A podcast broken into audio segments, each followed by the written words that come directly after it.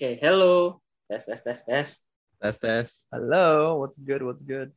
Selamat datang kembali di podcast Ormas, teman-teman dan pendengar kami, yaitu masyarakat milenials. Bertemu lagi dengan kita, uh, ada gua Bayu dan teman-teman gua. Yeah, ada saya. Eh dong, ayo, ayo, ayo. Ada gue Ada. Titus. ada Titus, ada Simon. Tapi kali ini kita nggak cuma bertiga, kita akan ada tambahan satu personil yang udah pernah join sama kita di beberapa podcast yang lalu. Siapa nih kira-kira? Silakan perkenalkan Emang- diri. Emang ada tamu lain selain gua? Nggak ada. Nggak ada. Belum belum. Berarti kan ya udah cuma tahunya ya itu satu nama doang. Emang pernah kalian undang yang lain selain gue gitu? Ya, Nanti mungkin Hai, kan. gue Olive. Oke. Selamat datang kembali Olive di podcast Ormas Masyarakat Milenial setelah setelah beberapa purnama tidak mampir ke sini akhirnya mampir lagi ya. Tentunya dengan My topik yang baru. My pleasure. Ya, ya. Jadi Eh, kita se- sebelum kita masuk ke topiknya, eh, tanya-tanya dulu gimana kabarnya Olive. hmm, pelan-pelan menuju gendut.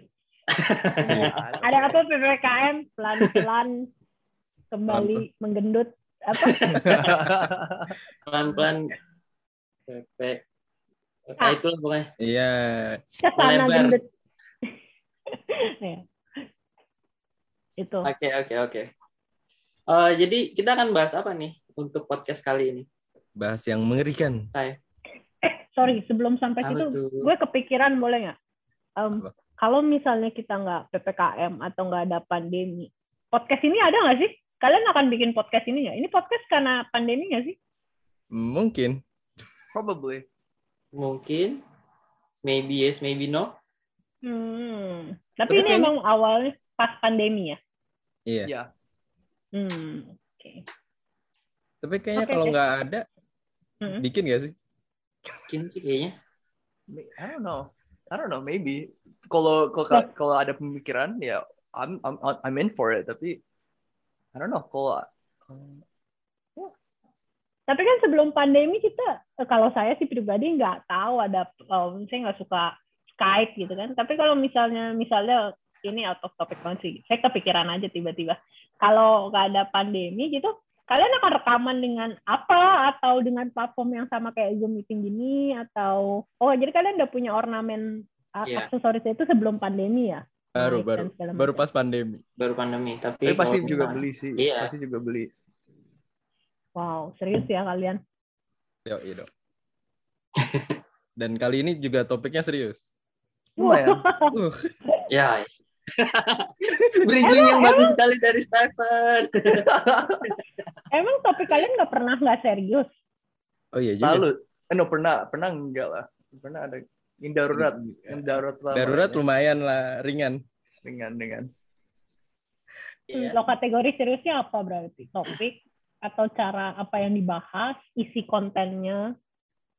Yang yang harus baca. Iya.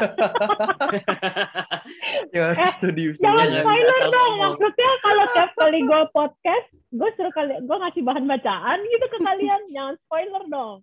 Nanti nggak ada yang mau ngundang gue lagi. Males banget. Mau ngomong podcast dikasih bacaan dulu. Gimana topik serius apa nih? The main topik apa ya? Topik yang mengerikan, serius, tapi juga harus dimengerti ya. Iya, kalau misalnya dikasih judul udah besar, kira-kira apa ya? Judulnya. Bingung juga gue. Emang kalian kalau ngasih judul di awal ya? Enggak. Enggak juga sih. Ya udah. Saya terima aja dah apa pun nanti ini judulnya akan berubah menjadi apa. Ya udah kalau gitu, mendingan kita bahas dulu. Nanti mungkin pendengar kita juga bisa menentukan judul yang tepat buat buat topik podcast kita kali ini kali ya. Hmm. Tapi sebelum kita mulai podcast kita, ada beberapa disclaimer nih yang perlu kita sampaikan ke pendengar kita, tentu saja. Pertama, eh, kita mau ngasih tahu nih, seperti yang kalian tahu, mungkin yang baru dengar bisa akhirnya tahu, mungkin yang kalau misalnya udah dengar lama, ya udah tahu background kita. Ya, pertama background kita ini adalah ilmuwan psikologi. Tentunya dalam membahas topik ini kita tidak memiliki uh, pengetahuan politik yang begitu kuat gitu, di di dalam politiknya, tapi uh, kita sendiri memiliki ketertarikan tersendiri terhadap dunia tersebut. Nah, seperti itu pertama backgroundnya. Jadi ya mohon dimaklumi kita adalah ilmu psikologi yang hanya memiliki ketertarikan terhadap dunia politik dan sebagainya seperti itu. Nah, next uh, pertama yang berikutnya boleh apa nih? Apa disclaimer selanjutnya? Yup. Kenapa kita ngebahas hal ini sih? Tentunya ya kita pengen menyebarkan pengetahuan dari apa yang kita tahu, dari apa yang kita baca, pengetahuan-pengetahuan yang mungkin sedikit baru gitu. Di luar dari opini publik yang yang dominan seperti itu sih bukan Jadi, cuma opini juga sih, tapi narasi dominan yang diwariskan turun temurun. Nah, itu tuh. opini. Jadi udah mulai sedikit ada ada spoiler sedikit lah ya. Intinya ini ya kalau biasanya denger bingung kenapa disclaimernya horor ya tapi kayak apa iya, dulu jadi, gitu jadi mulai ada mulai ada ada clue nih. Oh ternyata sudah sering dibahas di sekolah dulu. Mungkin kalau kalau dulu yang belajar sejarah IPS sejarah yang penjurusan biasanya dapat kalau saya sih dapat dulu di sejarah penjurusan. Di Mungkin yang waktu SMP SD nggak belajar. Belajar SMP. belajar? Belajar. Kan? Hmm, hmm, hmm. Kalau oh, dari iya, bu iya. ada nggak disclaimer bu? Uh, eh dari uh, Olive. Udahlah gue dengerin podcast yang lalu. Kita ajuk acak adut bahasanya. Boleh iya. boleh. Bebas aja lah pusing dengerin itu. Um, jadi sebenarnya eh, salah satu kenapa saya selalu punya spirit untuk membahas topik ini, yang sebentar lagi kita akan rayakan, uh, bukan rayakan, rayakan. kita, kita akan peringati lah, nah, peringati. kita akan peringati rayakan, uh, yang karena um, jujur aja saya juga baru tahu ada narasi alternatif lain dalam membahas atau menguraikan satu peristiwa yang juga merupakan bagian dari sejarah bangsa kita. Sehingga uh, entah bagaimana saya tuh merasa punya tanggung jawab gitu loh untuk sharing knowledge terutama karena uh, saya adalah dosen di salah satu universitas tertentu dan saya jadi kayak punya uh, uh, punya uh, shared responsibility untuk membagikan ini ke anak muda karena hmm. uh, saya sendiri merasa bahwa kalau saya nggak cari tahu sendiri, saya akan uh, saya nggak cari tahu sendiri, saya nggak nggak nggak explore sendiri, saya akan punya selalu punya pemikiran sama seperti narasi dominan. Nah, karena itu kayak udah kayak istilahnya tuh kayak itulah satu-satunya fakta sejarah yang benar. Nah, sering kali itu orang memandang sejarah adalah uh, mana yang benar. Fakta sejarah adalah kebenaran tunggal. Padahal sejarah nggak bisa dilihat dengan kacamata seperti itu. Sejarah ya adalah suatu momen peristiwa yang terjadi. Artinya dia bisa bercerita dari sudut pandang yang mana aja. Sayangnya dari zaman saya sekolah hingga yang kemarin waktu eh, sempat saya sharing materi ini juga ternyata faktanya hanya dominan hanya yang dominan saja yang diceritakan terus tidak melihat uh, dan berusaha mematikan kayak nggak ada peluang lain atau nggak ada sisi alternatif lain dalam melihat uh, peristiwa itu karena ya nggak semua orang tertarik sejarah ya dianggap itu boring lah apa nah soalnya uh, pembelajaran sejarah kita itu selalu pada uh, fakta tahun dan peristiwa tapi tidak tentang bagaimana dinamika sosial masyarakat ketika terjadi peristiwa itu hmm. Yo. itu kalau saya sih uh, concernnya di situ utamanya supaya dari sejarah kita bisa belajar banyak loh apalagi sejarah bangsa kita sendiri supaya right kita tahu root kita itu sebagai uh, ada konsepnya namanya eh, pengetahuan itu tidak bisa ini sebenarnya bagian dari pemikiran dekolonial. Pengetahuan itu tidak pernah bebas nilai, tidak pernah netral dan tidak bisa bersifat ahistoris. Pengetahuan itu selalu uh, selalu historis gitu loh. Karena dia akan berlaku sesuai dengan saat itu, momen itu kayak misalnya dulu kita meyakini bahwa uh, matahari lah yang mengelilingi bumi gitu kan ya yeah. memang itu kenyataan yang terjadi di situ tapi sampai kita sains kita maju bahwa kemudian kita menemukan uh, bahwa bumi lah yang mengelilingi matahari itu kan karena ada dulu pemahaman eh, matahari yang mengelilingi bumi. Jadi nggak Hmm. bisa di separate. Kalau di sains bisa, tapi di sosial sering kali di cut.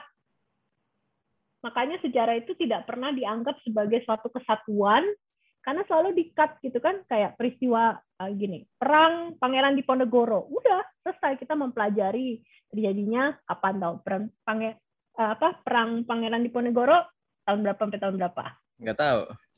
Nah, nggak inget kan? Karena kita cuma ingetnya 1825 sampai 1830. Tapi mengapa Iya. Diponegoro perang? Ada ada loh narasi alternatif bahwa Diponegoro juga punya kepentingan personal bukan untuk kemerdekaan atau bukan melawan Belanda, tapi kepentingan dirinya personal untuk eh, berperang. Nah, itu loh yang tidak pernah diceritakan di dalam pelajaran sejarah. Saya Hmm. dapat inspirasi itu karena waktu itu bagi saya dari eh, cerita yang menarik tentang Kartini. Kartini kan di dalam buku sejarah itu sempit sekali pembahasannya. Justru membaca buku autobiografi karangan Pram, Pramudianan Tatur tentang Panggil Aku Kartini Saja.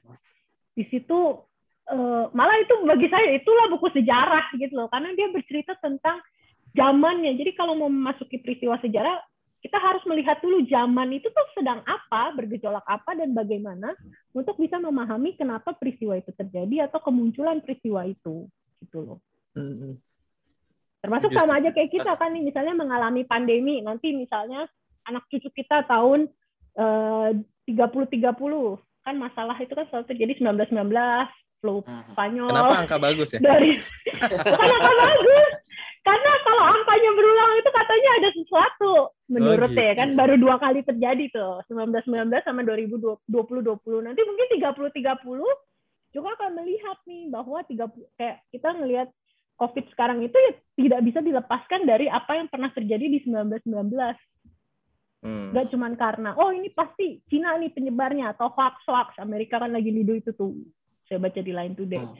Amerika menuduh nih gitu menuduh pemerintahan Cina bla bla bla bla bla bla tanpa dia lihat tuh pada 1919 bukan memistiskan ya tapi kan pasti ada satu perputaran gitu loh Iya, iya. rotasi yang berulang bisa aja bumi memang sudah terlalu penuh dan dia butuh Tapi kan emang sadis ya butuh menghabiskan That's ini. nature. Saya sadis juga tapi kan emang Ya, ya. sebenarnya Hmm. bumi juga kan kayak berputarnya bukan cuman apa ya?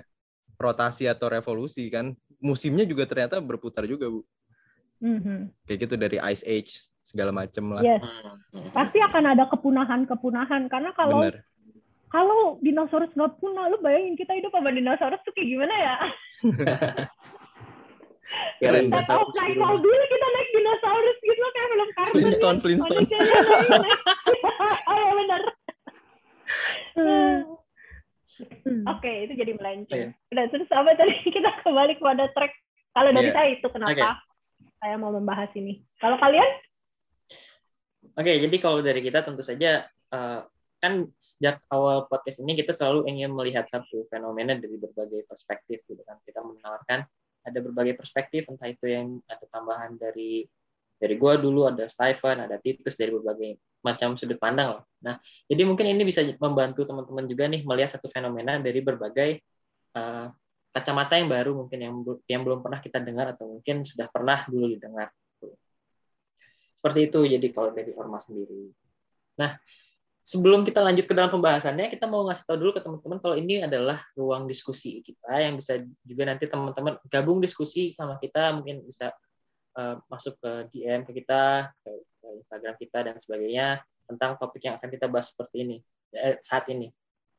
Nah, eh, jadi kita juga di sini memiliki kebebasan dalam berdiskusi lah ya, namanya kita kan berbebas berpendapat juga.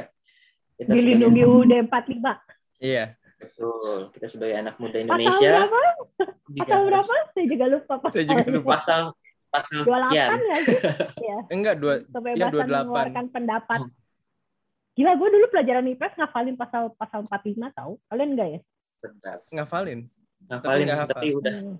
Oh. udah lewat. Pokoknya yang selalu teringat adalah pasal 34, fakir miskin dan anak-anak terlantar. Kenapa tuh? Dilindungi negara. Itu tuh pasal paling ingat banget, entah kenapa. Berarti kita semua dilindungi. Iya.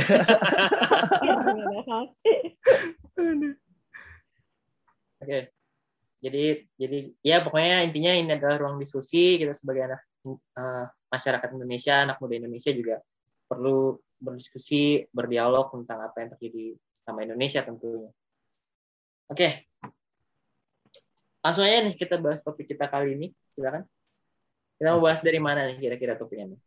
Tentunya dari latar belakang. kayak eh pada habis bikin skripsi ya kayak latar belakang. Bab satu Tentunya- latar belakang. Ya, dari dari awal mula gimana kan memasuki katanya kan untuk Mhm. mempelajari sejarah memasuki suatu situasi yang dulu. Silakan.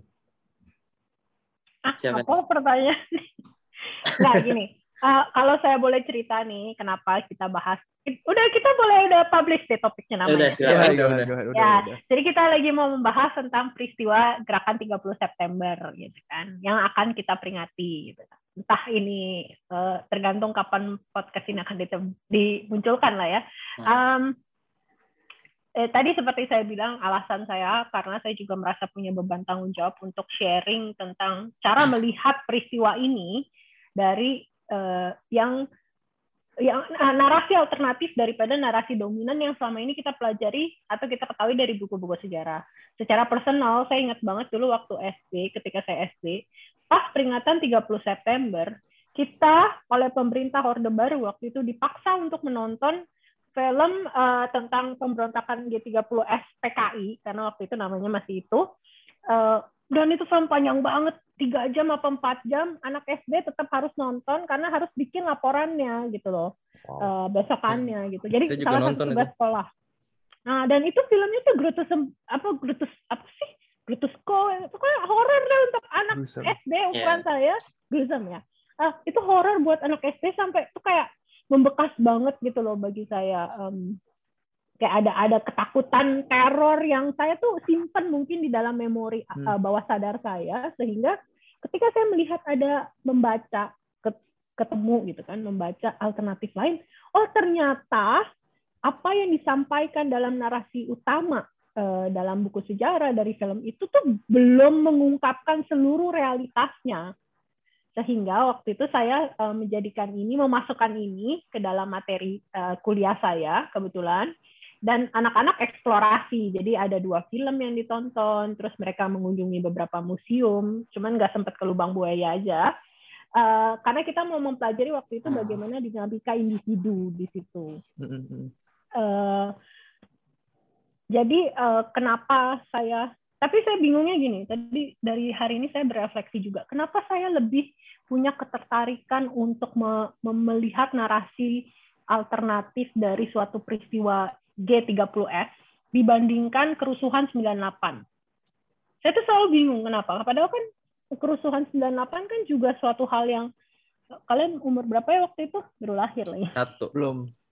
Satu. Eh belum belum satu malah. Saya satu malah. oh gitu No. ya karena Negatif. waktu nah minus Baru minus buat.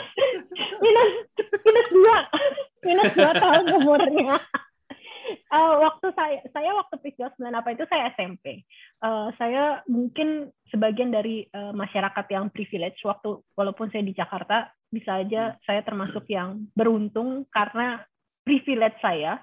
Artinya saya tidak mengalami peristiwa seperti yang lainnya, dijarah, bahkan kan banyak sekali isu bahwa perempuan Cina juga banyak diperkosa, mengalami teror yang mencekam. Saya punya privilege dan keberuntungan untuk terisolasi dari itu. Walaupun memang akhirnya di rumah, walaupun kita dengar berita, kita lihat tetangga atau beberapa yang hasil-hasil kerusuhan itu.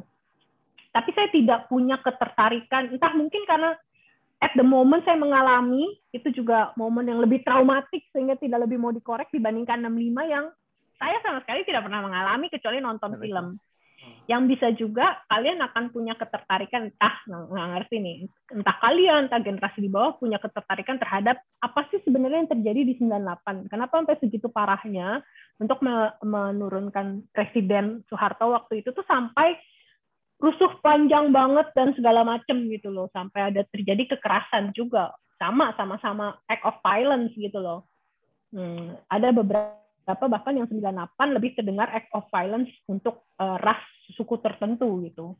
Itu yang saya selalu belum menemukan jawabannya kenapa saya lebih ingin atau tertarik mencari narasi alternatif lain di 65 dibandingkan 98. Uh, yang bisa aja 98 itu sangat traumatik yang kemudian ditekan sekali ke bawah sadar sampai kagak nyadar gitu. um, tadi kenapa saya bahas ini ya? tadi ada ketertarikan buat membahas uh, gerakan 30 September. Ya, nah um, mana ya karena ya, utamanya itu tadi ada narasi-narasi alternatif dan itu yang sangat menarik yang bisa kita bahas di dalam episode kali ini sih sebenarnya. Uh, tadi pertanyaannya saya adalah apa apa yang terjadi gitu ya? Iya. apa yang ya, terjadi apa? sebenarnya gitu? Atau ya gambaran sedikit lah. Um, ya siapa yang mau jawab? Masa jadi saya gitu yang jawab semua? Iya dong. Ya, silahkan kalau berminat wow. silakan.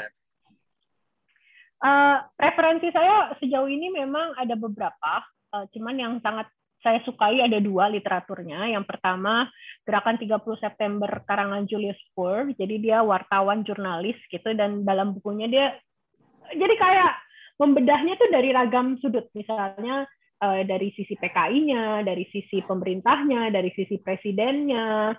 Eh sorry, bukan pemerintah, dari sisi militernya, dari sisi presidennya. Dan dia merekam karena dia jurnalis, dia menyajikan data, fakta, data-data Eh, yang terjadi gitu kan. Kesimpulan akhir dibebaskan kepada pembaca. Itu yang pertama.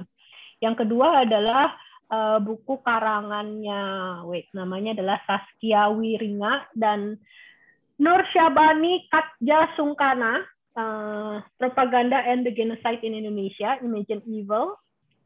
Itu dua referensi yang mungkin akan saya banyak uh, bahas di dalam uh, Eh, podcast kali ini. Ada lagi satu sih Dendi Laksono, cuman hmm, saya rada karena dia tenta, uh, tematif ya. Eh Dendi Laksono, eh bukan siapa ya? Saya lupa malah. Itu malah tentang petaninya, petani dalam peristiwa PKI. Cuman saya lupa judul uh, siapa bukan Dendi Laksono. Siapa gitu penulisnya salah satu sejarawan juga kalau nggak salah atau pengamat sejarah. Nah, um, jadi ketika saya membaca kedua narasi itu, uh, peristiwa 65 tadi seperti yang saya sempat sampai uh, sampaikan di awal, itu bukan peristiwa yang terisolasi. Jadi nggak ada misalnya gerakan itu dimulai hanya dari tahun uh, 50-an uh, atau setelah mus, uh, setelah si Aidit kemudian diangkat atau masuk ke dalam uh, pemerintahannya Soekarno atau dimulai dengan masa demokrasi terpimpinnya Soekarno itu tidak tidak bisa terisolasi dimulai startnya dari situ. Uh, tapi kita harus melihat bahwa uh, peristiwa 65 ini juga merupakan uh, bentuk kekerasan genosida yang berulang terjadi di tahun-tahun sebelumnya, bahkan sebelum Indonesia merdeka. Uh, Bayu, mungkin ada mau menyampaikan dulu? Tapi sebelum kita bahas lebih jauh, uh, sepertinya buat buat gue nggak adil banget kalau misalnya kita hanya tahu dari Olive kayak apa yang Olive tahu tentang gerakan 30 September, September gitu. Hmm. Tapi hmm. mungkin kita juga bisa bagi kali ya dari dari Stay, dari Titus, dari gue juga kayak Pasti dong. Apa yang kita tahu tentang gerakan 30 September ini? Oke. Okay. boleh. Boleh siapa yang mau mulai? Yang gue dulu deh. Eh, boleh. Narasi dominan biasa yang hmm. terdengar. Ya, bahwa uh, PKI itu wah sangar banget dia akan merebut Indonesia dia suka membunuh waktu itu saya dengar terus juga uh, dari etnis tertentu seperti itu. Jadi bahkan guru saya dia punya uh, kakek. Dia orang Sunda kakeknya hmm. uh, putih rada sipit kan orang Sunda kan. Dia dikejar gitu. Dikejar nyampe uh, ditangkap. Tapi uh, ternyata karena yang nangkep juga kenal dia etnisnya apa akhirnya ya udah dilepaskan kayak gitu. Hmm. terus juga Dilepas yang tahun 65 itu eh 65 iya. 66 ya iya terus juga yang kata Olive kan nonton bareng tuh saya juga nyampe nonton bareng di sekolah nobar Hmm. satu hari untuk nonton itu gitu kan. Hmm. Eh, saya di kursi tengah, saya nggak tahu ini film apa, katanya harus nonton. Itu termasuk kurikulum sepertinya ya. Iya, iya emang dimasukkan ke dalam kurikulum. Kirain saya emang ada event apa gitu kan. Emang mendekati sih, emang harus mendekati tanggal itu kan, 30 September. Jadi kita nonton bareng setiap tahun. Terus apa lagi? Ngeri sih, jadi filmnya kan remang-remang kan. Atau ada bruk tentara Iya. tembak-tembak gitu kan kayak Iya, digerebek. tentara tembak-tembak. Jenderal ini dijemput, jenderal ini dijemput terus dimasukin lubang buaya. Bahkan nyampe kita kelas 6 datang ke lubang Hmm. buaya gitu. Hmm. Nyampe ya ngeliatin darah segala macem lah. Wow. Dan itu yang membentukkan yang membentuk apa ya? narasi dominan itu bahwa si PKI ini mengerikan sekali gitu. Bahkan nyampe saya takut tidur juga waktu itu. Takut didatengin ada yang ketok-ketok gitu. Iya kan? Anak SD loh disuruh nonton gitu yang mereka kan berpikirnya konkret operasional belum abstraksi. Iya, benar sekali. Makanya itu pasti pengalaman traumatik banget untuk Dan- anak SD nonton gituan. Apa pengalaman lainnya? Nonton film Oh. yang dilarang di Indonesia. Hmm. Eh kan ke film. museum, ke Oh museumnya. ya, ke museum juga. Fungsi. Kita dapat ke museum tiga museum ya. Siapa aja Oh, ya, namanya saya nggak hafal. Dua Ayo, ya. Dua yang aku inget Eh dua ya. Nasution, Nasution, Iya, yang sama satu gue lagi lupa. Ah, Zaman Ahmad. Yani. Ah ya, yes, yes, yes, yes. Yang lain dong. Ya yang lain. kalau kalau dari gue nih gue tuh eh, orang yang sangat eh, buat gue gue susah nangkep informasi yang ada misalnya dijelasin di sekolah kayak misalnya gerakan 30 September bla bla bla bla bla bla susah tapi yang gue ingat adalah biasanya cerita dari dari nenek dari kakek nah, dari orang tuanya itu tuh cerita yang menurut menurut gue gampang diingat dan setelah soalnya kalau diceritain sama orang tua pasti langsung lihat langsung lihat di tempat kayak misalnya ngelihat nenek saudaranya nenek. Akhirnya ngelihat oh ini orangnya yang akhir eh, yang diceritain waktu itu. Cerita yang paling paling kena di pikiran dan diingat sampai sekarang adalah cerita ketika salah satu saudara saya dituduh dan akhirnya dia di mau digerebek jadi satu hari sebelumnya udah ada berita mau digerebek bla bla bla tapi Hmm. saudara saya ini nggak tahu kalau misalnya dia akan Hmm. di- didatengin Hmm. tapi kebetulan hari itu dia lagi mandi dia lagi mandi nah jadi kalau kalau di desa kan daerah tempat untuk mandi sama rumahnya itu jauh nah Hmm. jadi karena dia waktu mandi jadi ya nggak ada di rumah rumahnya Hmm. kosong jadi waktu didatangi rumahnya kosong nggak ada siapa-siapa sampai akhirnya dia tahu akhirnya di, diingetin ada tetangganya datang ngasih tahu kamu lagi digerebek gitu bla bla bla akhirnya dia lari ke gunung sampai hari ini tuh dia masih di salah satu gunung di Jawa gitu nah sampai Berarti dia nggak bawa apa-apa selain badannya dong untuk melarikan Iya. diri kan? Iya, Hmm. jadi nggak sempet apa pokoknya lari Oh. ya dia, lari kabur ke Hmm, gunung. hmm, hmm. Akhirnya di situ mentap sampai sampai sekarang kalau nggak salah. Sempat ke sana beberapa kali dan dan Hmm. gue juga ngeliat kayak wah ini yang menurut gue kenapa berkesan gue membayangkan Hmm. ketika kalau misalnya gue jadi saudara gue waktu itu kayak dia lagi mandi gitu terus kebetulan digerebek terus apa yang harus gue lakuin berapa stresnya gue ketika rumah gue atau di- dimasukin sama orang yang gak gue kenal yang tujuannya nangkep gue apa yang gue harus lakuin mungkin gue akan lakuin hal yang sama gue akan kabur sejauh mungkin yang bisa gue bisa Hmm. jangkau sampai sampai situ ya udah diem aja di situ sampai sampai waktu yang nggak bisa ditentuin itu sih itu itu cerita yang menurut gue ngena banget gitu Dan harus starting over without nothing kan? Kan nggak bisa Iya. bawa harta, nggak bawa apa. Dia di gunung belum tentu ada yang mau nampung. Berarti Iya. benar-benar survival banget kan dari Iya. nol. Tapi kan kesusahannya nggak nyampe situ doang kan. iya Setelahnya juga ada apa stigma-stigma bahwa KTP ditandain, lu cari kerja susah gitu kan. Dan lain Bahkan sebagainya. bukan orangnya, itu untuk semua keturunannya. Coba Bayangkan Iya. keturunan. Untungnya di tahun kayaknya per- masa pemerintahannya Gus Dur deh, itu dicabut. Hmm.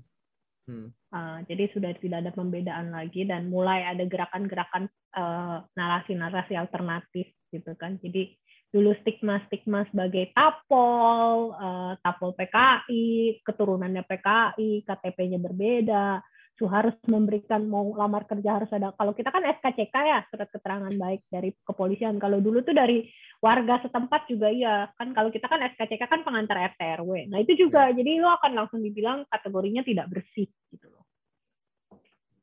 Karena itu sejarah sih. keluarganya yang, gimana sih bayangin kan kita nggak pernah tahu yeah. dan eh bukan nggak pernah tahu kita nggak pernah bisa milih kita dilahirkan dengan keluarga yang bagaimana ya dari keluarga yang seperti apa ya bayangkan cucu dari seseorang yang dituduh uh, sebagai anggota PKI terus dia harus live with that seumur hidupnya dia padahal dia nggak tahu tentang apa pun apa pun yang terjadi dan dan ya kan korban-korban itu kan yang kayak saudaranya Bayu kan tidak pernah mendapatkan uh, hukum yang adil, pengadilan untuk menentukan ya. apakah benar kamu terlibat atau bersalah, gitu kan? Tapi ini satu peristiwa G3, makanya namanya dulu G30 SPKI karena selalu narasi dominannya bilang PKI lah sumber perkaranya sehingga seluruh anggota PKI waktu itu tuh besar tahu nggak sih? kedua ya? Bermiliar eh, pertama miliar. ya? Ketiga, ketiga, ketiga. Oh, pertama Rusia, kedua Cina, Indonesia ketiga.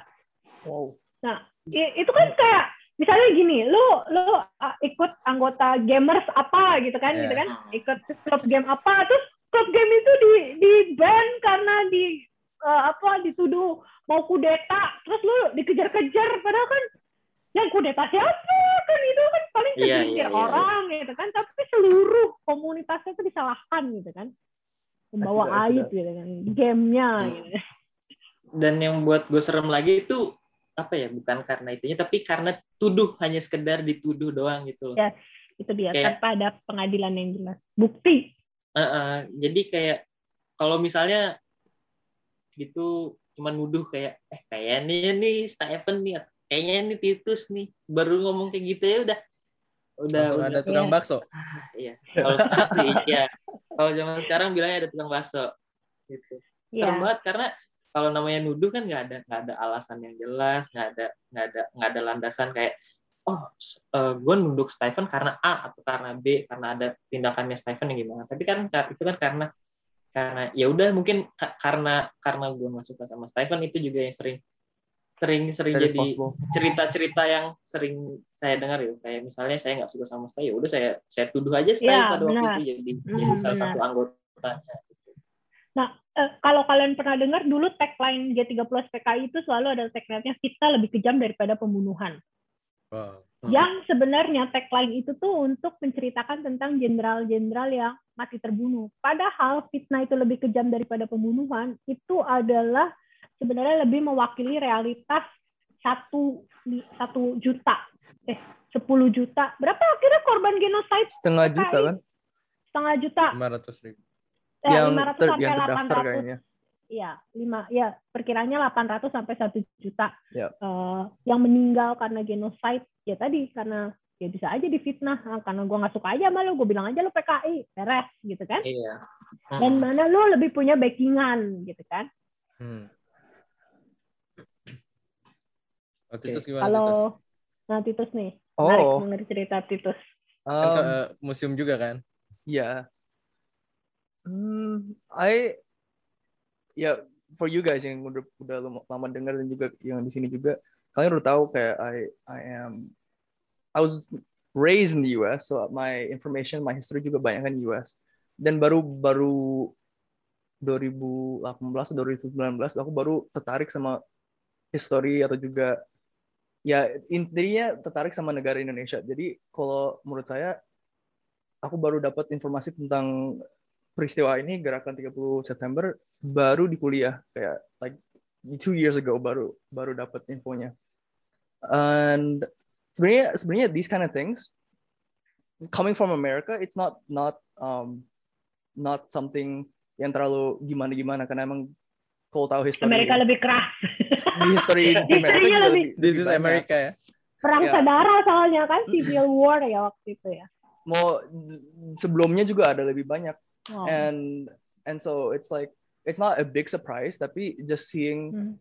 sebagai orang Indonesia yang yang sekarang yang baru nyadar oh ini Indonesia dan baru nyadar kayak se se seberapa beautiful Indonesia ini sekarang denger peristiwa ini it makes me feel kayak it makes me feel so interesting. Kenapa ini jadi masalah? Kenapa dari awalnya itu uh, this group PKI jadi masalah and dari yang aku denger kayak what the lessons I have and like the history uh, visits I've had di sini kayak emang ya itu yang kayak yang yang sudah dibilang sama Stephen Bayu sama Olive kayak it's it's about how PKI ini villainized and treated and genocided. It's like the genocide. And so for me, it's like I, I don't know anything beyond that.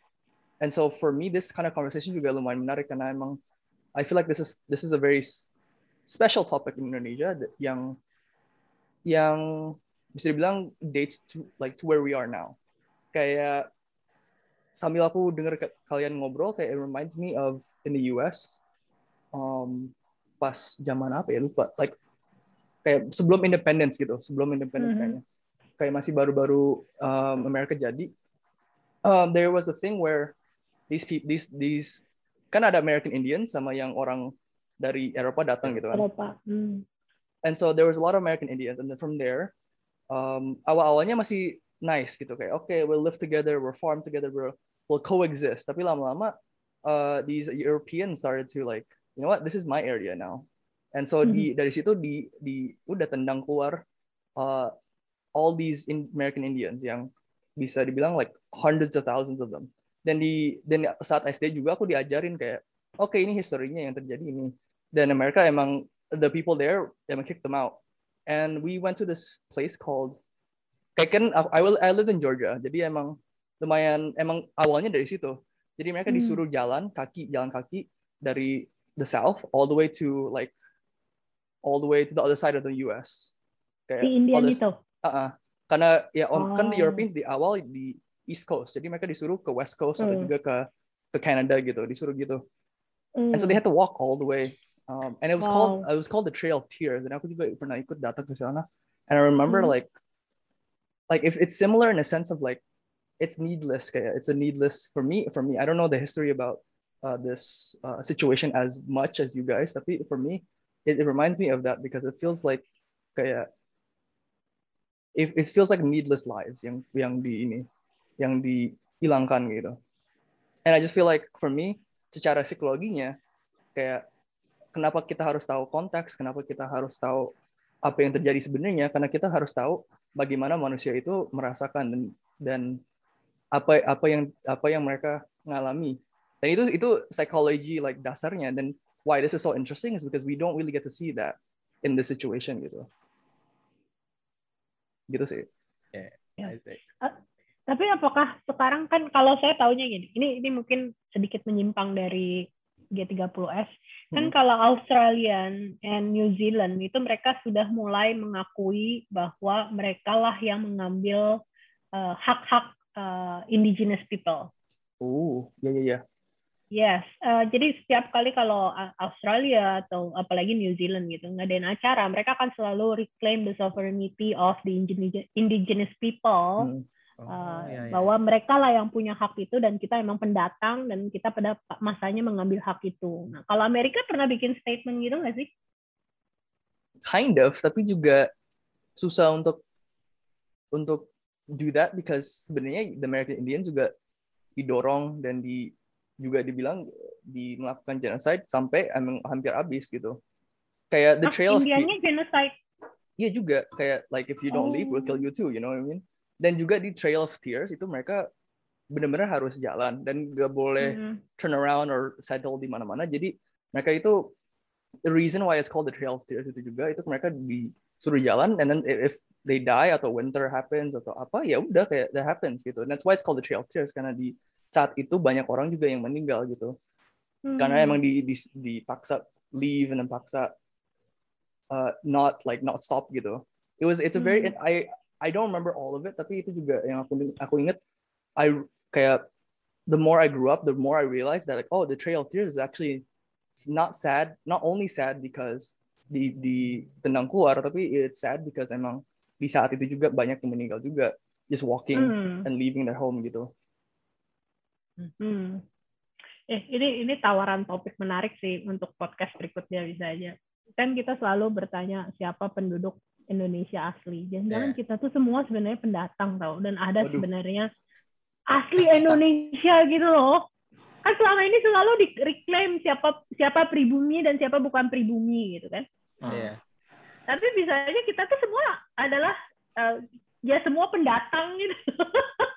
ada ada satu eh, komunitas yang benar-benar bisa reclaim tanahnya Indonesia Nusantara waktu itu kan atau daerah-daerah gitu kan. Tapi ya tidak terdengar gitu kan. Terus mayoritas aja yang bilang dia pribumi. Gitu. Padahal bisa aja Hmm. mayoritas sebagian besar mayoritas pendatang kayak Amerika. Enggak, Saya aja pendatang. ya kan? Iya. Loh. Lanjut. Sebelum Oke, kita melenceng. Hmm, Oke, eh, back to the topic the 30 September. Mhm. Eh, yang gue baca tuh itu adalah rangkaian panjang yang tidak hanya terjadi pada tahun-tahun eh, setelah kemerdekaan, tapi yang gue tahu tuh dari semenjak 1920-an itu eh, udah ada tuh namanya Hmm. eh, kelompok komunis kalau nggak salah ya. Nah, eh, yang gue tahu pada masa 1920-an something itu kayak kayak dulu tuh ada yang namanya Serikat Dagang Islam, Serikat Dagang yang akhirnya berubah jadi Serikat Serikat Islam dan sebagainya gitu kan. Nah, Mhm. Yang membuat gue menarik yang waktu gue baca adalah ketika eh, Islam berusaha eh, kan jadi Islam ketika menyadari oh ternyata dia dan kapitalisme ini tidak sejalan. Jadi karena tidak sejalan, Dengan apa? kapitalis. kapital, Oh, kapital. Oh, Iya. enggak, enggak. Waktu itu belum kapitalis namanya. Kolonialis. ya kolonialis, Eh. akhirnya eh, akhirnya mereka mikir gimana ya? Akhirnya ketika ketika tahu nih komunis memiliki oh ternyata mereka kurang lebih memiliki visi yang sama, akhirnya mereka memutuskan untuk mau bergabung, tapi ternyata juga ada, ada yang menentang kayak eh kayaknya nggak bisa gabung dan sebagainya. Itu sih yang gue tahu awalnya. Mungkin mungkin teman-teman bisa menambahkan mungkin. Jadi gini kan, sebenarnya em, waktu itu kenapa Serikat Islam, Serikat Dagang Islam itu kemudian eh, eh, bersih tegang dengan pemerintahan kolonial dan mereka ma- mau anti kolonial. Ini sebenarnya masalah power ekonomi, ya kan?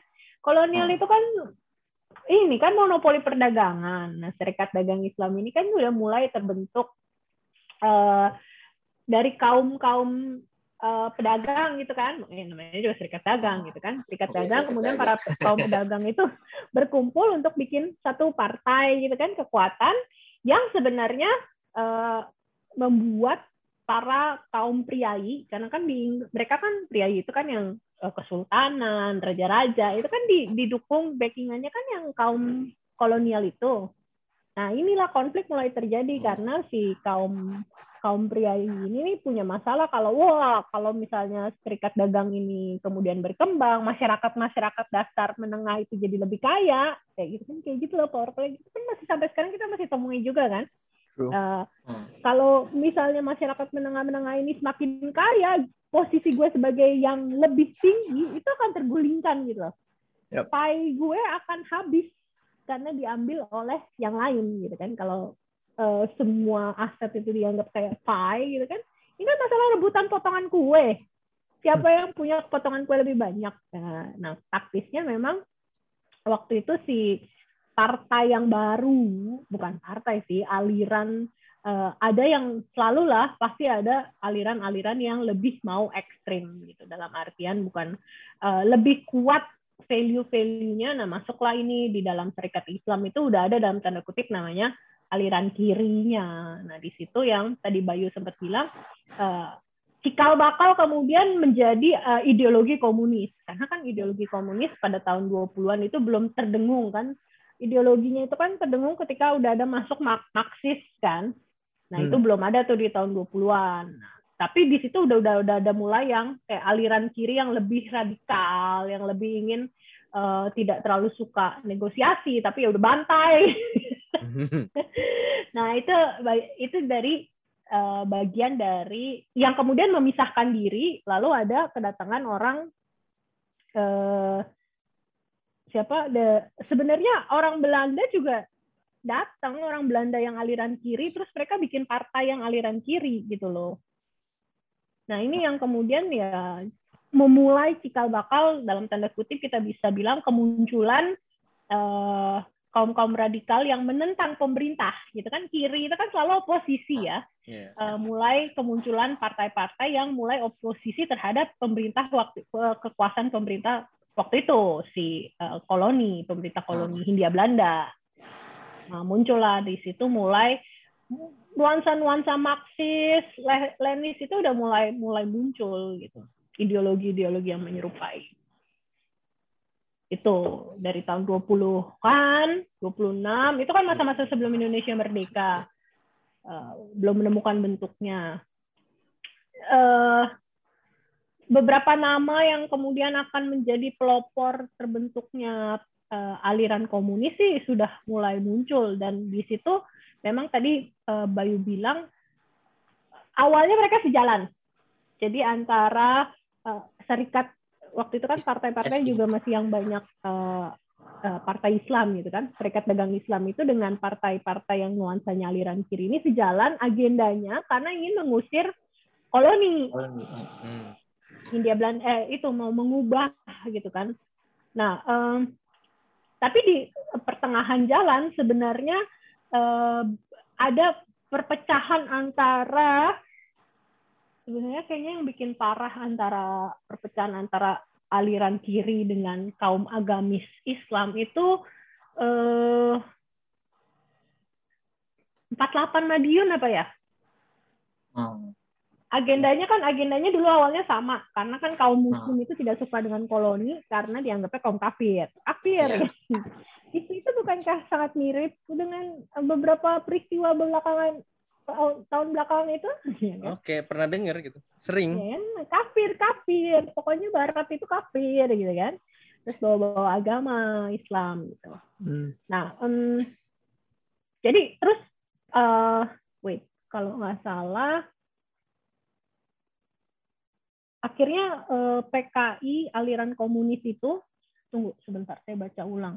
PKI itu sendiri nggak ada namanya sih. Eh Oh udah ada, malah nama uh, tahun 24 itu sudah menggunakan nama PKI. Nah, awalnya dulu namanya PKH. Eh, PKH adalah Partai eh, Perserikatan Komunis di Hindia. Tan Malaka itu pernah menjadi ketuanya, tapi terus ditangkap Belanda terus dibuang gitu kan. Uh, di tahun 24, 24 sudah ada nama PKI. Ya. Nah, uh, ada peristiwa ya akhirnya kan kekuatan uh, kolonial berusaha meredam meredam si PKI itu untuk menjadi berkembang besar karena kan sebenarnya PKI itu berkembang besar karena dia eh, komunis itu kan uh, sasarannya adalah kaum kaum menengah ke bawah tuh petani gitu kan nah sehingga udah mulai mulai membesar eh, kemudian ya dibantai tahun 26 itu ada pemberontakan di Banten, Batavia, Priangan yang dihancurkan oleh uh, koloni Belanda. Tahun 27 juga ada di Sumatera. Nah, 2627 setelah 2627 PKI itu tenggelam. Oke. Menarik. Menariknya sesudah itu kan awalnya PKI. Dulu kan kerjasama tuh PKI dengan uh, beberapa uh, partai eh, partai hmm. Islam, serikat Islam, uh, sampai terjadi perpecahan. Tunggu, tunggu. Pada suara, halo? Halo? Nah, hmm. Awalnya tuh beberapa partai Islam itu yang kemudian uh, Islam kiri ya katakan itu bisa berargumen bahwa sebenarnya tidak ada kontradiksi antara aliran Islam dengan komunis karena kan komunis itu sampai sekarang dianggapnya aliran yang terlarang selain karena kekerasan yang dibawakan oleh narasi dominan adalah ateis ya kan yeah. tidak percaya oh, iya, Tuhan yeah, yeah. dan itu selalu bertentangan dengan kalau negara modern kita Indonesia itu selalu tidak sesuai dengan landasan Pancasila gitu kan uh, cuman memang perpecahan antara kalau awal-awal di tahun 26-an itu PKI eh sorry komunis dan Islam itu bisa bersatu dan tidak bertentangan karena mereka nggak ada melihat kontradiksi sama-sama uh, ingin mengusir kafir itu. Ya, tujuan. Jadi bukan masalah komunis ateis atau enggak, tapi semua gerakan komunis yang melawan anti kolonial itu kan dianggap sama-sama seperti koloni itu adalah kaum kafir. Dan uh, Muslim itu juga melihat uh, ada injustice sosial gitu loh, ada ketimpangan sosial yang uh, kemudian ini akan bisa berbahaya untuk juga kaum kaum Muslim gitu. Tuh. Nah, um, Serikat Islam sendiri, selain Serikat Islam yang terbesar sebagai komunitas partai Islam waktu itu juga ada Muhammadiyah kan? Muhammadiyah hmm. udah ada tuh. Tapi Muhammadiyah adalah pihak menolak. yang menolak adanya komunis karena bagi mereka nggak ada itu yang uh, eh karena mereka melihat uh, ideologi komunis itu selalu menolak adanya agama keberadaan Tuhan. Kan kalau Marxis kan ideologinya gitu. Uh, lebih ke I, I'm not sure kalau Marxis ya sebenarnya iya juga sih secara terselubung gitu. Bahwa agama Tuhan itu dianggap sebagai uh, represi dan membuat orang tidak mau uh, keluar dari iya. atau memberontak terhadap penindasan. Itu kan ideologinya Marxis tentang kelas dan kelompok bahwa agama Tuhan itu adalah yang diciptakan supaya tetap adanya uh, pengukuhan kelas sosial itu semakin terjadi gitu. Hmm. Uh, ya udah akhirnya 2627 PKI uh, underground apa bergerak bawah tanah karena hampir semuanya udah dibunuh-bunuhin dan kalah Muhammadiyah uh, kemudian menjadi yang lebih partai muslim yang lebih berkuasa, dominan. Terus bikin Masyumi itu di tahun 45 uh, pemimpin Muhammadiyah membuat partai Masyumi yang merupakan partai anti komunis. Dan Muhammadiyah kala itu ingin mengubah Indonesia menjadi status negara Islam. Nah, dari 45 itu tuh udah mulai nih kita masuk ke episode tahun 48. 48 kan kalau di dalam sejarah sebelum 65 malah pemberontakan PKI yang yang disebut hmm. benar-benar pemberontakan PKI adalah tahun 48. Yeah. Peristiwa Madiun yang sebenarnya karena memang pemberontakan PKI. Jadi kalau peristiwa Madiun 48 itu ya karena memang PKI gitu loh. Kalau 65 ini kan masih simpang siur sebenarnya. Uh, kalau di Madiun 48 itu jadi gini ceritanya. Kan uh, waktu Indonesia merdeka, sebenarnya negara tuh carut marut kan. Eh bukan hmm. negara carut marut. Yeah. Kondisi kondisinya loh. Kondisi kondisi masyarakatnya. Oh, bukan masyarakat tapi jadi kan power play politik itu kan sudah ada sebelum 48. Mm -hmm. Tahun 28 1928 Sumpah Pemuda itu kan sudah banyak partai-partai pergerakan nasionalis itu sudah banyak dan ragamnya ada banyak ada yang sekuler uh, sosialis bukan komunis ya yeah. sosialis, nasionalis, uh, yang berdasarkan agama, kan mulai banyak tuh kemunculan partai-partai jadi yong yong yong yong segala macam gitu. Hmm. Jadi yeah. sebenarnya uh, memang sebelum merdeka itu sudah banyak pak power play, artinya kalau ingat gak waktu 98 eh kalian ini ya masih minus satu ya usianya. Tiba-tiba setelah pemilihan umum 9 uh, setelah masa reformasi itu tuh ada pemilihan umum tuh partai yang dulu cuma tiga Golkar, PDIP, jadi banyak banget sama PPP terus jadi banyak beranak pinak gitu kan yang sampai orang mau ya gue belum bisa milih tapi kan gila ngeliat lembarnya aja tuh iya lembarnya aja bu banyak banget cuma apa gambar-gambar logo partai dan yang kita logo tidak tahu apaan gitu kan. Iya, pergerakannya mau apa. Jadi gitu kan. Orang yang ingin berkuasa ini selalu pertanyaan gue, ngapain sih orang pengen jadi berkuasa, menguasai negara atau menguasai tempat? Pusing tau gak sih ngurusinnya sebenarnya? Too much stuff. Iya, iya kayak kayak ay, gila. Nah, uh, jadi sebenarnya kan ada ke, kecarut marutan tentang situasi sebelum merdeka bahkan hingga merdeka kalau kita tahu kan sejarahnya. Coba pertanyaannya, siapa yang nyulik Soekarno Hatta? Kan disebutkan nama-namanya. Pertanyaannya kan kenapa sih diculik gitu kan? Apa coba kalian tahu nggak kenapa diculik? Biar Kenapa Soekarno Hatta harus diculik? Biar fokus katanya. Iya, nggak dipengaruhi. Nggak dipengaruhi siapa?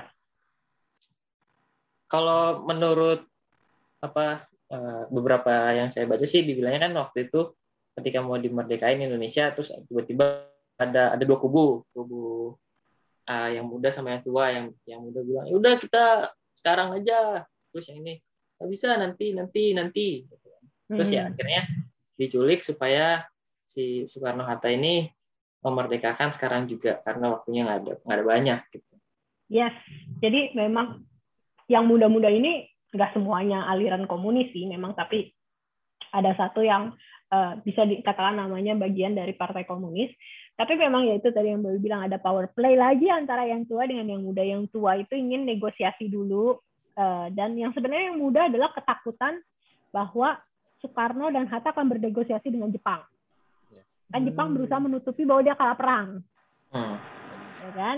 Eh, jadi yang muda itu menculik dan memaksakan untuk kita harus reclaim kita merdeka karena dia ngambil momen kesempatan itu. Vakum Tidak ada yang- apalah. Ya, vakum, vakum power itu karena nggak ada yang bisa bilang bahwa ini gue yang berkuasa sekarang. Belanda udah terusir. Jepang lagi carut marut karena dibom, di ya kan? Eh, nah, makanya ini kesempatan yang muda. Udah kita langsung aja nyebut kayak, iya kalau kayak kita main, ya kayak ketemu pensil gitu, kayak Hmm. ketemu lah Punya pensil gua. gitu kan. Punya gua, punya gua, pokoknya punya gua, terserah gitu kan. Satu, langsung. dua, tiga. ya, kan gitu. Saya ada, ada yang punya nggak? Satu, gue cium tiga, satu, dua, tiga. Oke, punya Ya. gua, gitu. Kalau kita mau analogikan tuh kayak gitu. Nah, akhirnya kan kemudian eh, Soekarno Hatta memutuskan untuk oh, ya udah kita ikutin, kita ambillah eh, kesempatan ini untuk kita bilang kita merdeka. Nah, Hmm. peristiwa kalau saya tuh kalau baca eh, belajar sejarah waktu itu setelah peristiwa kita kita yang baru kita peringati kemarin merdeka gitu kan terus muncul Hmm. pemberontakan pemberontakan kan gue belajar sejarah kan cuma ikut oh tahun segini pemberontakan ini tahun ini segini Agresi pemberontakan ini Iya. agresi militer agresi militer kita lawan Belanda itu beda cerita Oh iya, iya. pemberontakan pemberontakan kan gue bingung ya kenapa ya ada eh, waktu belajar itu gue nggak pernah bertanya-tanya. Inilah kalau pendidikan kita dulu kerjanya memorizing. Kenapa ada pemberontakan? Kan kita udah merdeka ya? Iya. Hmm. kenapa kita berontak dan kita berontak kenapa? Ke- eh, eh, berontak dalam bayangan saya dulu belajar sejarah itu berontak. Berontak lawan Belanda apa ya? Tapi kan ternyata pemberontakan itu memberontak terhadap Republik Indonesia eh, belum Republik terhadap kemerdekaan Indonesia eh terhadap Hmm. negara Indonesia yang baru terbentuk itu kan sekarang kalau dipikirin eh, kalau misalnya sebelum saya baca informasi itu iya ya kenapa dulu gua nggak pernah berpikir kenapa ada pemberontakan yang art, yang sebenarnya pemberontakan pemberontakan itu terjadi ya kembali lagi mau reclaiming eh, atau mereka punya sebenarnya visi misi sendiri tentang Indonesia yang masih baru ini tuh mau bentuk negaranya kayak apa Hmm. Punya ide masing-masing Ya, kan kan partainya banyak dulu sebelum sebelum merdeka. Di Iya. tahun 28 aja udah udah ada partai sosialis. Oh, yang cocok untuk Indonesia adalah negeri sosialis. Nah, partai nasionalis, nah kita nasionalis Iya. gitu kan. Jadi ya ada banyak tawaran dan Hmm. eh, masih baru ya kan, masih negara baru ya semua punya idea yang oh kayaknya harusnya seperti ini sesuai dengan apa yang mereka yakini atau value mereka. Nah, eh, setelah eh, Indonesia merdeka itu wih untung ya untung tau saya waktu baca baca itu saya tuh selalu berpikir gini gila gimana ya rasanya jadi kan yang di dalam narasi-narasi itu kan tentang si pemberontakan si yang musuh sama si yang eh, pe- yang pejuang gitu kan pahlawan. pasti. ya kan cuma dua kan narasinya Ah. narasi yang salah sama narasi yang benar nggak pernah ada cerita Benar. narasi masyarakat di situ Mau Kok panggil sih? saya nggak? oh mau ya kalau dulu kalau saya engkong saya tapi dia engkong saya tuh lebih nggak suka Jepang daripada Belanda Hmm. dia juga menghidupi zaman perang itu Hmm. kan kayak kebayang nggak sih kayak kita sekarang lagi gini terus tiba-tiba dor dor dor dor berdarah tiba-tiba kita tengok sebelah kita udah mati berdarah tuh rasanya terornya kayak apa nggak sih masyarakat Mhm. umum dan itu yang nggak pernah ada di dalam cerita sejarah mana pun tentang apa sih yang masyarakat rasakan ketika mana tahun dari 45 sampai 50 itu tuh banyak sekali pemberontakan-pemberontakan banyak sekali hal yang harus dibenahi Eh, karena semua orang punya senjata waktu itu kayak Amerika gitu kan kan semua Yoi. punya pistol ya geng-geng itu nggak sih kalau kita nonton film Iya. geng-geng gitu kan Geng-geng. datang ketemu langsung semua aduh itu semua pada aja semua keluarin pistol semua saling tadang gitu kan. Wah wah wah siapa yang mau nembak pertama? Gitu. Itu kan ya untungnya kita nggak hidup di zaman itulah. Hmm. Eh, jadi banyak sekali konflik yang terkait eh, power play. Nah, peristiwa 48 saya baru tahu karena narasi ini berbeda dengan narasi yang selama ini saya baca dan narasi narasinya Saskia Wirengar ini saya baru tahu ternyata Amerika itu sudah masuk jauh sebelum 65. Kan kan teori konspirasi kita adalah 65 ini CIA, 98 ini Hmm. kerjanya CIA gitu kan. 48 juga udah masuk ternyata. Jadi Amerika, nah ini peta dunia. Jadi apa pun yang terjadi di suatu negara, sayangnya di politik modern ini sejak ada negara bangsa, memang tidak bisa terlepas dari situasi dunia negara-negara bangsa lainnya. That's true. Pada waktu itu, pas 40-an itu perang dingin antara Rusia, oh, bukan Rusia namanya, Rusia sama Soviet Amerika. sama Amerika Rusia blok Amerika. timur sama blok barat ya kan nah si eh, Amerika waktu itu eh, like, ya biasa orang kalau perang kan nyari sekutu sebanyak banyaknya gitu kan makin banyak teman makin menang Hmm. prediksinya. Nah blok-blok itu kemudian bergerak ke Asia Tenggara negara-negara yang baru merdeka. Kamboja. Eh Vietnam. Vietnam Kamboja ya. Burma. Hmm. eh, beberapa daerah. Nah Asia Tenggara ini loh yang baru-baru keluar lepas dari koloni-koloni. Nah, itu lagi perang tuh. Kuasa-kuasa mana nih? Yang mana yang di akhirnya setuju masuk ke Soviet ikut aliran timur komunis gitu kan. Mana yang mau masuk alirannya liberal gitu kan. Nah, Amerika eh, kong kali kong, oh, kong kali kong. Kalau di bukunya dibilang ada pertemuan rahasia antara eh, eh, waktu itu perdana menterinya Hatta. Eh, Yang pertama per, ini ini perda- per- perdana menteri pertama setelah merdeka adalah Amir Syarifuddin, tapi di aliran kiri. Hmm. Terus eh, dia kalau di eh, perja- kan di tahun itu ada perjanjian Renville di mana Indonesia sangat dirugikan. Ya kan Belanda tetap boleh ada, boleh punya pegang kuasa-kuasa Indonesia. Jadi masih dibagi gitu loh. Padahal maunya kita kan semuanya kita. Hmm. Tapi Belanda masih nyos- nyosok itu lewat Renville eh, di forum internasional diakui sah Renville Belanda boleh ada di Indonesia. Nah ini makanya beberapa pihak eh, nasionalis itu kecewa dengan Syarifuddin sehingga dia makin tercoreng terus dia mengundurkan diri jadi perdana menteri. Terlebih dia juga aliran kiri. Nah masuklah pemerintahan kabinetnya Hatta. Masuk kabinet Hatta, Hatta perdana Iya, menteri. Hatta. Di sini kong kali kong terjadi. Jadi Amerika mendekati Hatta, Muhammad Hatta sama eh wait Muhammad Hatta. Oh, saya lupa lah ada beberapa orang selain Hat- Hatta. Lalu mereka bikin per- eh, pertemuan rahasia di daerah. Wait, wait, tunggu aku googling dulu ya supaya nggak salah ngomong nama daerahnya. Eh, dekat Madiun situ.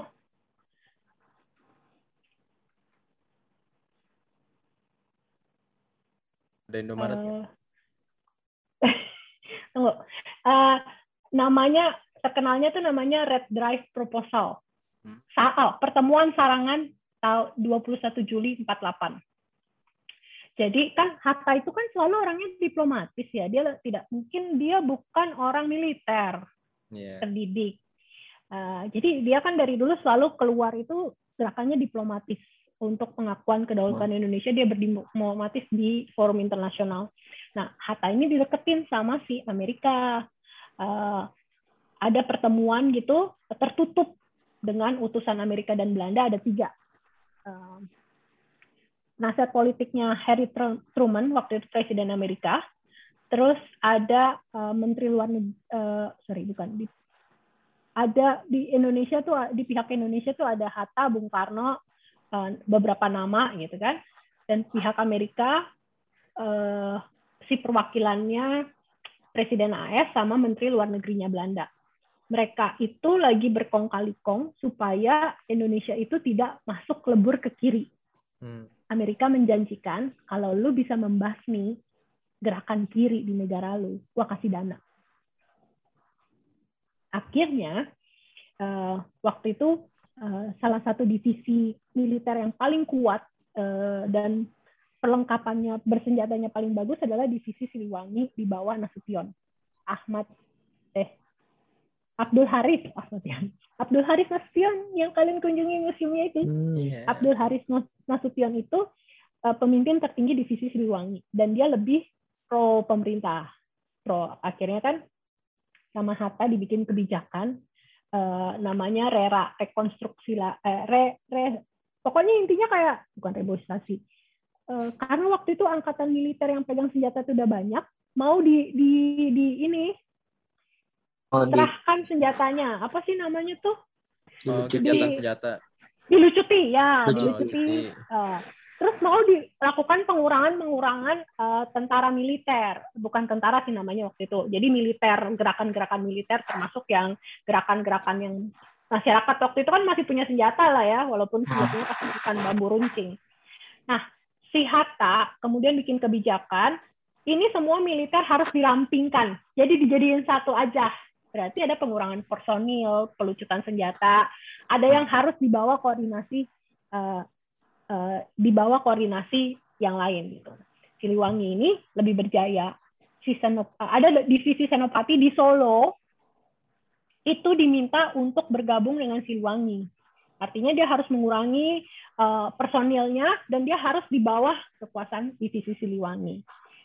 Nah, si divisi Siliwangi ini nggak suka karena nah divisi Siliwangi aliran Solo ini sebenarnya uh, nama jadi pembasmian orang-orang kini namanya Red Drive Proposal akan mendap Hatta akan mendapatkan biaya 56 juta dolar untuk membasmi orang-orang kiri gitu kan.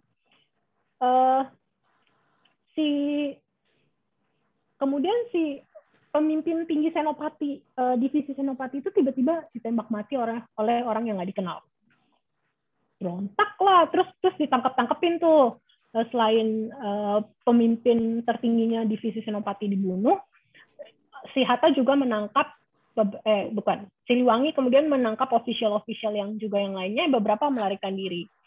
Divisi Senopati ini merasa bahwa ya kayak anak tiri lah kenapa kenapa Siliwangi yang membawa eh, yang jadi atasan gua? Kenapa nggak yang gue di bawah Siliwangi atau kami boleh berdua ada secara eksis. Tapi kan itu sebenarnya agenda terselubungnya si uh, kabinetnya Hatta untuk membasmi orang kiri supaya dapat dana. Jadilah uh, apa ten, apa kaum kaum militer gerakan militer yang cenderung membela kiri ini mulai dibasmi dan dirampingkan.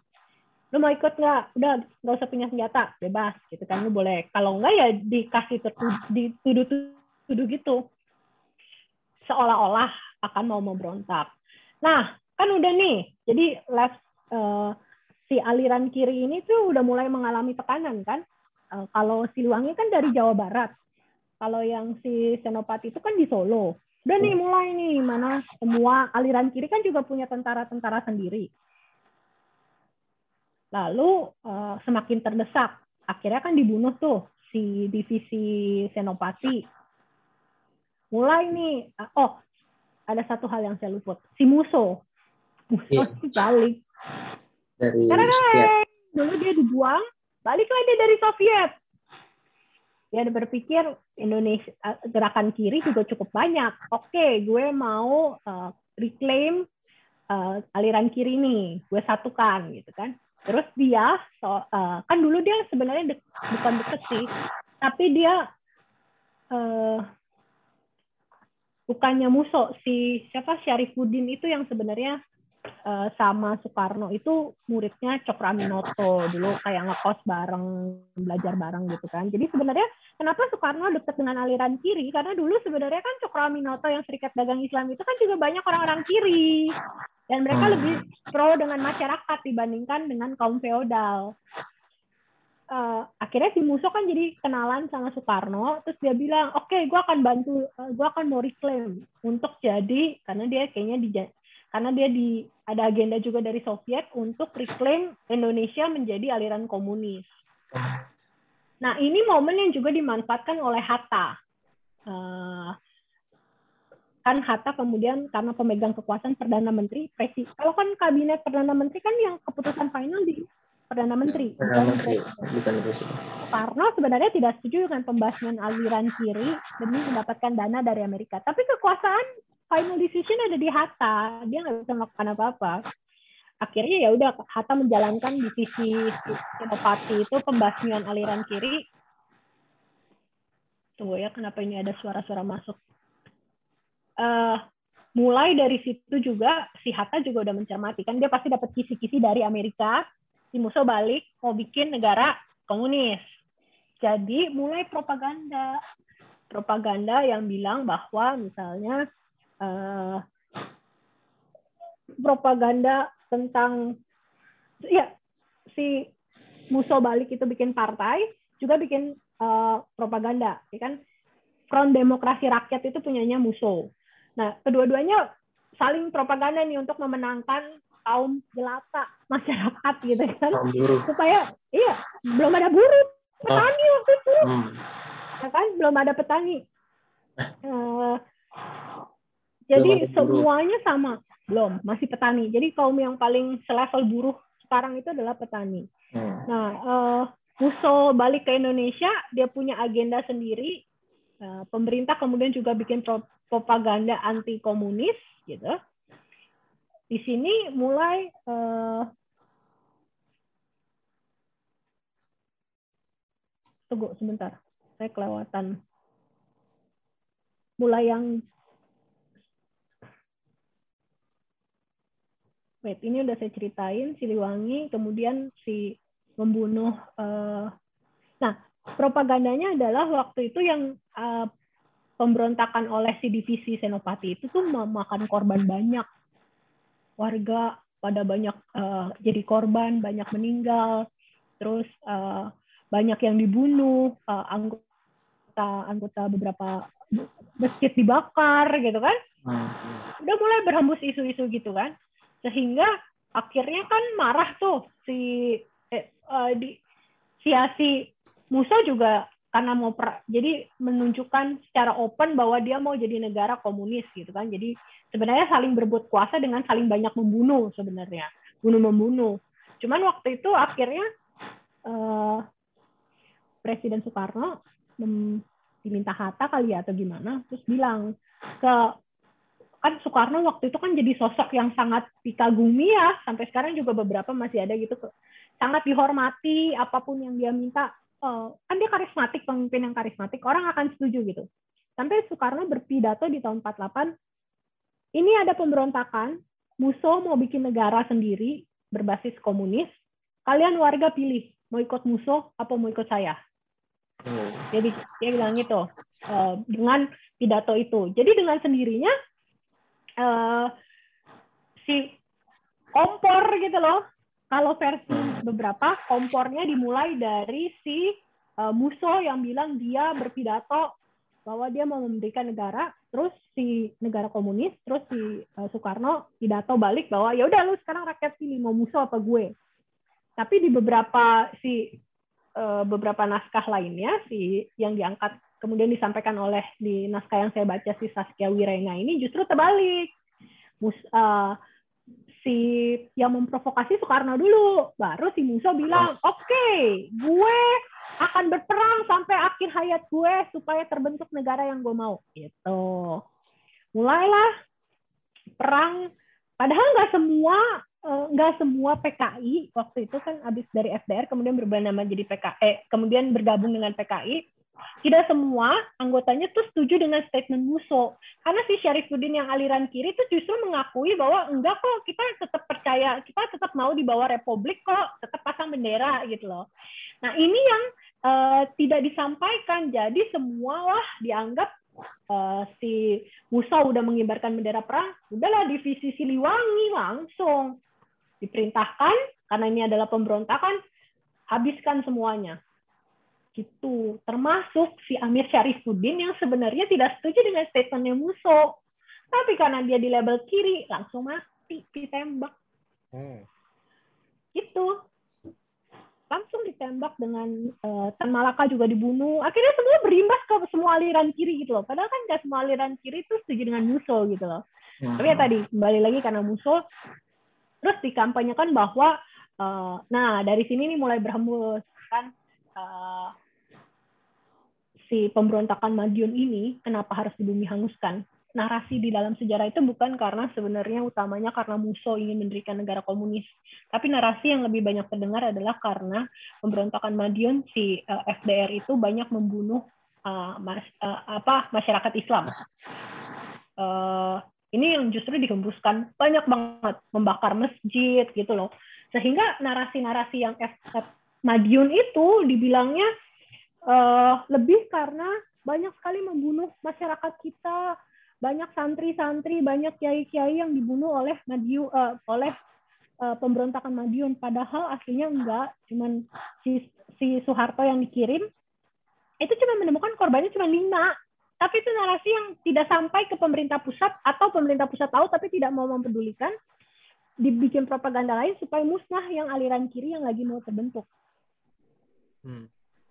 Gitu. Jadi cabut sampai akar. Iya. Oh ya, FDR-nya tapi PKI tetap boleh ada. Jadi dibilangnya eh, FDR itu bunuh 100 Masyumi tadi kan. Masyumi itu kan partai Muhammadiyah yang anti komunis. Uh, banyak banget ada 8 padahal dan ya memang ilmu apa ahli sejarah kemudian mencatat memang yang terbunuh 8000 dan sebenarnya yang meninggal lebih banyak kaum komunis dibandingkan propaganda-propaganda bahwa uh, lebih banyak membunuh kaum muslim. Justru yang lebih banyak dibunuh on the on the spot adalah kaum komunis itu. Gitu. Jadi sebenarnya uh, 48 pemberontakan 48 itu uh, lebih karena salah satu tokoh yang ujuk-ujuk datang dari Soviet bilang gue punya agenda mau bikin negara komunis. Uh, hampir menyatukan semua partai besar makanya dibilangnya pem, uh, pemberontakan. Makanya sebenarnya kan namanya pemberontakan PKI ya tapi partainya ada dua waktu itu FDR dan PKI narasinya yang kemudian sejak 65 FDR itu nggak pernah ada lalu dibilangnya pemberontakan PKI Madiun Padahal partainya adalah ada dua. FDR itu si uh, Muso, PKI itu si Amir Syarifuddin. Kembali lagi. Mereka beda. Akhirnya kan makanya kalau pas pemerintahan uh, waktu itu mem, uh, menghukum matinya si FDR, uh, Amir, Amir Syarifuddin juga tetap mati, tapi PKI tetap tidak di tidak di ban gitu, boleh ada pemerintah cuma memberikan uh, larangan untuk eh, memberikan amnesti untuk PKI tapi tidak membubarkan partainya. Cuman pemimpinnya aja yang ditembak dihukum mati tapi uh, anggota-anggotanya boleh bebas. Itu itu dari uh, peristiwa Madiun dengan narasi yang berbeda. Narasi alternatif, narasi dominan kan itu PKI uh, pemberontakan terus yang banyak membunuh uh, kiai-kiai pesantren uh, masjid gitu kan uh, banyak warga umum yang meninggal tanpa menceritakan berapa banyak korban jiwa yang sebenarnya uh, meninggal karena uh, dari sisi kom, uh, pihak komunisnya itu. Hmm, menarik. Itu itu 48. Uh, kemudian kan PKI PKI tetap ada pemimpin utamanya si Syarifuddin dihukum mati, mulai ada turunan lagi. Masuklah kita ke turunannya. Uh, si pemimpinnya adalah Aidit. PKI ini kan kemudian menjadi jaya, bisa bahkan bisa masuk ke dalam uh, kabinet pemerintahannya demokrasi terpimpinnya Soekarno ya karena si Aidit. Jadi yang menghidupkan kembali PKI setelah 48 itu adalah Aidit. DNID. Cuman sebelum masuk ke 48, eh sebelum masuk ke 65, si uh, ada satu pemberontakan lagi yang cukup terkenal. Kalau kalian pernah dengar nama pemberontakan DITI, oh. ya, ya untuk situs yang nggak tahu misalnya Darul Islam, jadi uh, pergerakan pemberontakan ini juga cukup terkenal Darul Islam dan Tentara Islam Indonesia. Uh, setelah masa pemberontakan itu juga muncul isu bahwa ada beberapa pemimpin yang ingin membuat negara uh, negara itu berdas berkilafah apa sih namanya? Negara berbah khilafah apa? Negara ya, berlandaskan agama Islam khalifah. Khalifah tuh khilafah? Khilafah khilafah. Khalifah. Kaf kaf khilafah. Khilafah bro. Khilafah. Nah si DITI itu kan uh, Kartos namanya Kartosuwiryo pemimpin pemberontakan. DITI ini sebenarnya itu lebih sadis dibandingkan pemberontakan Madiun. Artinya gini ada tiga tiga daerah yang menuntut ingin bikin negara berlandaskan uh, aturan agama Islam di Jawa Barat, Aceh, Sulawesi Selatan, sama Kalimantan Selatan. Nah, jadi negara Islam Indonesia ini ada di bawah ketiga pemimpin yang meng, uh, daerahnya ada di situ, ada ada ada ada empat daerah di bawah tiga pemimpin yang namanya pasti kalian pernah dengar. Dua yang paling terdengar kalau pernah belajar sejarah dengan benar, dengan benar kalau ingat. Kartosuwiryo, Kartosuwiryo, Ahar Muzaffar, sama Daud Dulu. Saya familiar dengan dia, Kartosuwiryo sama Kahar Muzaffar. Nah, uh, jadi pergerakan mereka itu tuh sangat ekstrim karena mereka punya tentara Islam Indonesia itu. Jadi gerakannya yang tidak segan-segan dan lebih sadis sebenarnya dibandingkan uh, gerakan uh, eh, FDR waktu itu. Eh, mereka banyak sekali bikin teror dari tahun 50 sampai tahun 60-an. Uh, negara Islam Indonesia itu tuh bikin pernah pada masanya bikin teror yang membuat jalan antara Jakarta, Bandung sama Bogor itu menjadi tidak aman. Benar-benar sadis, di lehernya digorok. Pokoknya benar-benar bunuh at, at the, uh, on the spot. Siapa pun terus ya, mereka uh, menjarah. Jadi kalau makanya jalannya jadi nggak aman karena siapa pun yang jalan lo bagian dari negara mau ikut negara kita nggak? Nggak. Ampok bunuh. Termasuk juga uh, kan mereka punya lokasi-lokasi terus orang-orang di sekitar lokasi itu juga ditanya uh, dibantai kalau di bumi hanguskan rumahnya dibakar hartanya diambil kalau tidak mau ikut uh, bagian dari negara mereka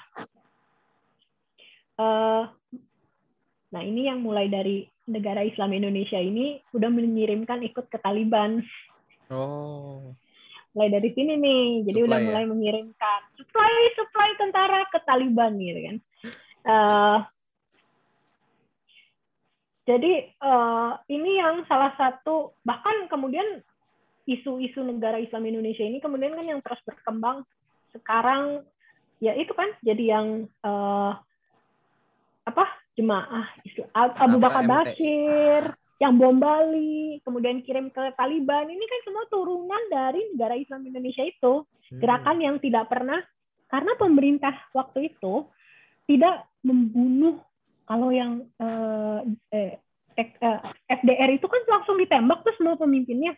Yang pemberontakan DITI yang dibunuh itu cuma yang pemimpin utamanya, tapi sisanya tuh masih ditolerir gitu loh. Hmm. Jadi yang pemberontakan DITI ini padahal uh, sudah banyak yang uh, banyak memakan korban gitu dibandingkan pemberontakan Madiun terus terornya material kerugian materialnya itu bahkan lebih banyak dibandingkan pemberontakan Madiun yang cuma singkat gitu kan uh, tapi uh, pemerintah itu masih kasih uh, keringanan jadi uh, bahkan Presiden Soeharto tahun awal tahun 70 kasih full amnesti untuk pemimpin BI daerah Islam selama mereka berjanji untuk tidak lagi pakai terlibat dalam aksi teror. Bahkan mereka ditawarkan uh, kursi di DPRD. Menarik. Jadi ini kan sebenarnya uh, yang kemudian menghidupkan jadi bibit-bibit itu tetap dirawat sebenarnya sama pemerintah tahu. Makanya nggak usah heran akhirnya muncul lagi kan hmm, gerakan-gerakan Abu Bakar Bashir, uh, Bom Bali, Ali Gufron, Amrozi gitu kan Amrozi sama CS. karena mereka menganggap Kartosuwiryo itu adalah pahlawannya. Hmm. Mereka menganggap uh, yang pahlawan adalah Kartosuwiryo bahwa negara yang harusnya benar dan terjadi adalah versi Kartosuwiryo negara Islam Indonesia itu yang dimaui. Menarik kan ini yang perlu kita bahas. Mengapa pemerintah lebih lenient terhadap pemberontakan uh, Islam dibandingkan Iya. pemberontakan komunis? Gitu. Menarik. Karena mungkin bukan mungkin ya. Kalau saya lihat di da- apa empat daerah besar itu masih ada sih pergerakan yang ekstremis seperti itu. sih. Yes, itu yang dirawat. Sebenarnya ada lagi satu pemberontakan PRI dan Permesta, Eh, cuman memang lebih cepat dimusnahkan dan eh, viktimnya juga tidak jelas berapa. Cuman perlakuan pemerintah itu ya tadi lebih lenient dibandingkan eh, pemberontakan Madiun. Gitu sejarah sampai munculnya 65. Jadi tadi adalah kilas eh, sejarah dari dari awal dari 19 1926 1926 terus ada kemerdekaan Indonesia terus ada DITII habis eh sebelum DITII FDR. Madiun dulu Madiun dulu Ya, Madiun dulu. Madiun eh, yang yang eh, akhirnya ada FDR dan PKI akhirnya dimusnahkan habis itu masuk ke DITII dan akhirnya masuk ke eh, PRRI Permesta. Ya, ya. Nah, eh, kenapa si eh, penulis menuliskan beberapa pemberontakan itu? Sebenarnya agendanya adalah ingin menunjukkan ketimpangan perlakuan pemerintah pada masanya terhadap kaum pemberontakan. Tadi yang selalu saya statement ulang, amnesti, keringanan hukuman terhadap pemberontakan di ITI, terhadap PRI Permesta, bahkan oleh pemerintah Soeharto dikasih amnesti, itu tidak sama seperti, tidak pernah ada terjadi pada para pemberontakan PKI. Hmm. Oh ya, mau nambahin kita disclaimer, kita tidak mendukung PKI ya. kita, tidak ber- kita, kita tidak berbicara tentang, ya karena kalau kita berbicara sejarah, kita sedang mencoba menceritakan apa sih narasi-narasi yang yang bisa mewakilkan realitas sedekat mungkin dengan peristiwa itu. Kita tidak berbicara tentang dukungan kita atau siapa yang benar, siapa yang salah eh, pada semua peristiwa pemberontakan. Cuman ya itu tadi kita bercerita menawarkan ragam narasi terhadap apa yang selama ini didominan hanya ada satu narasi dominan dalam sejarah.